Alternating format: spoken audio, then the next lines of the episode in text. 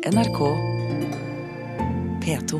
Forfatter og journalist Åsne Seierstad begynte arbeidet med boken En av oss, en fortelling om Norge, som kom denne helgen, med å skulle skrive om rettssaken mot Anders Behring Breivik etter terroren 22.07. Åsne Seierstad, hva fikk deg til å forstå at det du ville, var å fortelle noe mer? Jeg skjønte ganske fort at det er jo ikke rettssaken som er saken. Rettssaken er del av hele historien. Men jeg ble slått i bakken av eh, altså først det å sitte en hel uke og høre på gjerningsmannen. Eh, så satt vi tre uker med eh, Utøya-ofre og ofre fra regjeringskvartalet.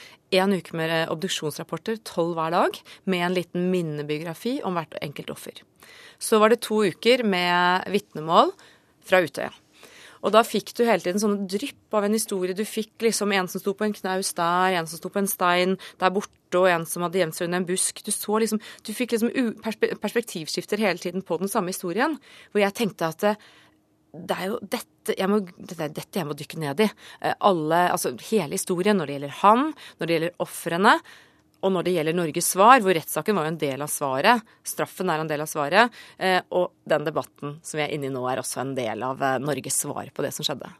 For dette er også historien om tre av ofrene. Bano, Simon og Anders. Tre historier om unge mennesker som ville noe helt spesielt med livene sine. Hvorfor ble det dem? Det som jeg tror kjennetegner mange av ofrene på Utøya, er de utmerker seg ved et engasjement.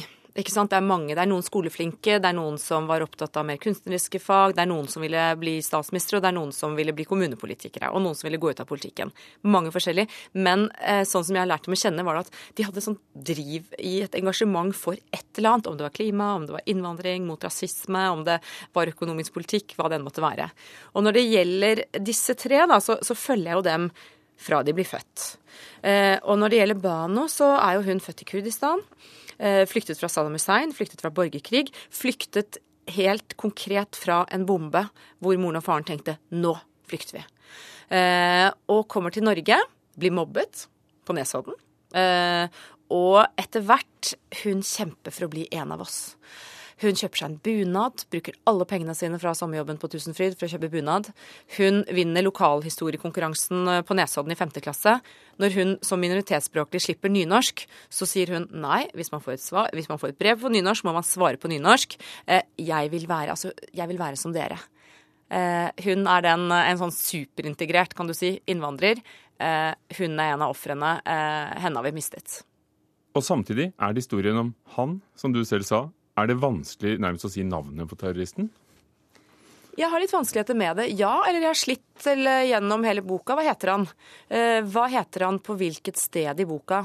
Og så blir det sånn jeg må faktisk være på fornavn med han i barndommen. Det, det, du kan ikke noe annet. Eh, det, når han er fire år og er innlagt eller innskrevet på Statens senter for ungdomspsykiatri, eh, lille barnet som ikke kan leke, da er han Anders. Og så forblir han faktisk for meg, når jeg først begynte med det, så forblir jeg på fornavn med han helt til 22. juli.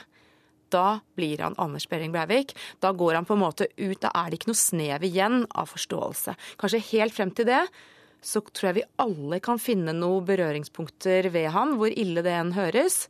Men med det, med handlingene, så skiller han seg totalt fra, oss, og da blir han mer et begrep. Du spenner et veldig vidt lerret. Det handler om konflikten i Kurdistan, som er årsaken til at Banos foreldre kommer til Norge. Det handler om konflikten i Afghanistan. Eh, det handler om Norge på 70-tallet. Eh, fremveksten av eh, Arbeiderpartiet og Gro Harlem Brundtland i spissen for nye regjeringer.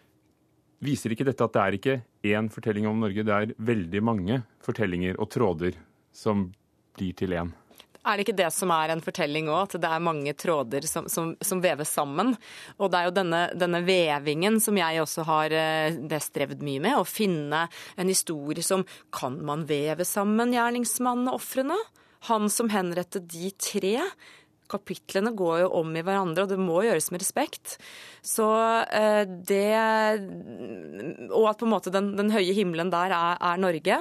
Eh, ja, eh, jeg tror at det sier noe om oss alle. Og det er det jeg bare håper også med den tittelen 'En av oss', som egentlig betyr Det er et annet ord for fellesskapet. Jeg håper at sant, om du er Frp-er eller AUF-er eller psykiater eller politimann når du leser den boka, at du, du er i dialog med teksten og vil lese nye ting, egne ting, ut av den teksten. Du trekker frem disse sammentreffene som at den bunaden Bano kjøper, den kjøper hun bare steinkast fra der hvor han bor og går av på trikken i Hofsveien. Er det nærmest vanskelig, et paradoks, å sitte og lage en bok av det som har skjedd? Det er det, men vet du hva? Jeg tror at vi er mer fintfølende enn dem det gjelder. Det har vært utrolig interessant. Altså det, det, helt, eh, det, er jo en anmelder som sa at Utøya-kapitlet ble skjemmet av groteske detaljer. Eh, og alle detaljer fra det kapitlet alle beskrivelser er gjennomlest av de pårørende og godkjent. Og det er ikke én bloddråpe som de ønsket å fjerne.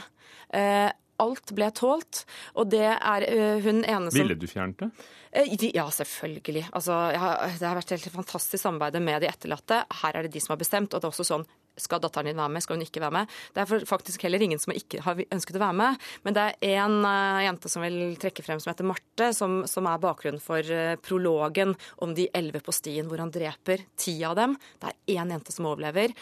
Og lytter til hvordan alle blir drept. Uh, og til sist så får hun et skudd i hodet, men hun overlever. Når hun fikk det på gjennomlesning, så skrev hun du skriver så vakkert om det vonde. Det er ikke for å gi meg selv selvskutt her, men det er det var veldig mye verre. Tenk hvor jævlig det var å, å, å ligge der og, og, høre og lytte og lukte. Eh, så det som jeg har skrevet, du, det, det, er en eh, si, Det er ikke noen sensurert versjon, men det var mye verre. Og disse pårørende, etterlatte, de lever med hvor den kulen gikk inn, hvor i hodet, hvor havnet den, i Banus tilfelle. Den ble liggende rett bak hjertet hennes, hun døde momentant. Dette er de mareritt om natten. Vi må tåle å lese det. Hvorfor skriver vi bok om 22. juli? Jo, faktisk fordi han, for det han gjorde på Utøya. Og det må vi tåle å lese. Hvilke tanker gjør du deg om at nettopp denne boken, ikke bare blir den lest nå, men det kan godt være at det er denne boken som mange vil plukke frem om 10-20 år. Eh, at dette skal være noe som fortsatt gir et riktig bilde? Det er nettopp det at jeg har prøvd å få med alle, alle sider ved konflikten. Altså gå tett inn i han. Ofrene de må ikke glemmes. Eh, hvorfor var de på Utøya? Men ikke minst også Norges svar og den politiaksjonen eh, som jo for så vidt er kjent stoff her. Men jeg var på, boken kommer ut samtidig i Sverige, og det var interessant å møte svenske journalister i forhold til Altså de var sånn alle var helt sjokkert. Uh, noen hadde ikke klart å, liksom, nesten ikke klart å lese boka fordi de hadde bare grått. Og en sa at han liksom jag holdt på å gå sønder etter første siden, liksom. De vet ikke. De har aldri sett det sammenstilt sånn som dette her. Og like sjokkert var de over politiaksjonen. Var det så ille? Var det det, altså det, det ledelsesproblemet eh, som ved at ingen Altså den dårlige kommunikasjonen ved at man ikke sendte ut riksalarm, ved at det kom inn dette tipset om en gjerningsmann med en pistol, mulig gjerningsmann, som ble liggende sånn og dirre på en sånn operasjonssentral. Det vet mange av oss, men det er noe med å Det vet ikke utlandet. Eh, det vet de beleste som har fulgt saken her, men det er virkelig ikke mange mennesker. Altså, jeg trenger ikke gå langt ut i min omgangskrets, foreldre, altså hva det måtte være. Som, som Det er noe med å sammenstille dette og gjøre det til en historie som også holder om ett år, om to år, om ti år, når man ikke akkurat har lest på nrk.no hva som skjedde i rettssaken. Og det er faktaene. Men nettopp å fortelle på den måten du gjør, hvor du beskriver følelsesliv, lukter, sanser, du tar skjønnlitterære grep. Det er mesterlig komponert, sa vår anmelder. Det, gir det deg muligheten til å fortelle noe du ikke kunne fortalt med journalistikk?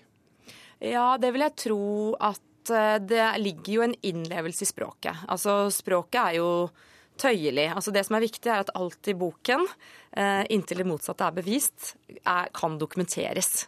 Eh, når vi går inn i hans tanker, så er det Han har jo gitt oss mye gjennom manifestet sitt, gjennom eh, altså, blogger, gjennom rettssaken ikke minst, og gjennom altså, Han skrev et brev. Altså, hvor, og gjennom politiavhør, ikke minst, som jeg har tatt ganske grådig for.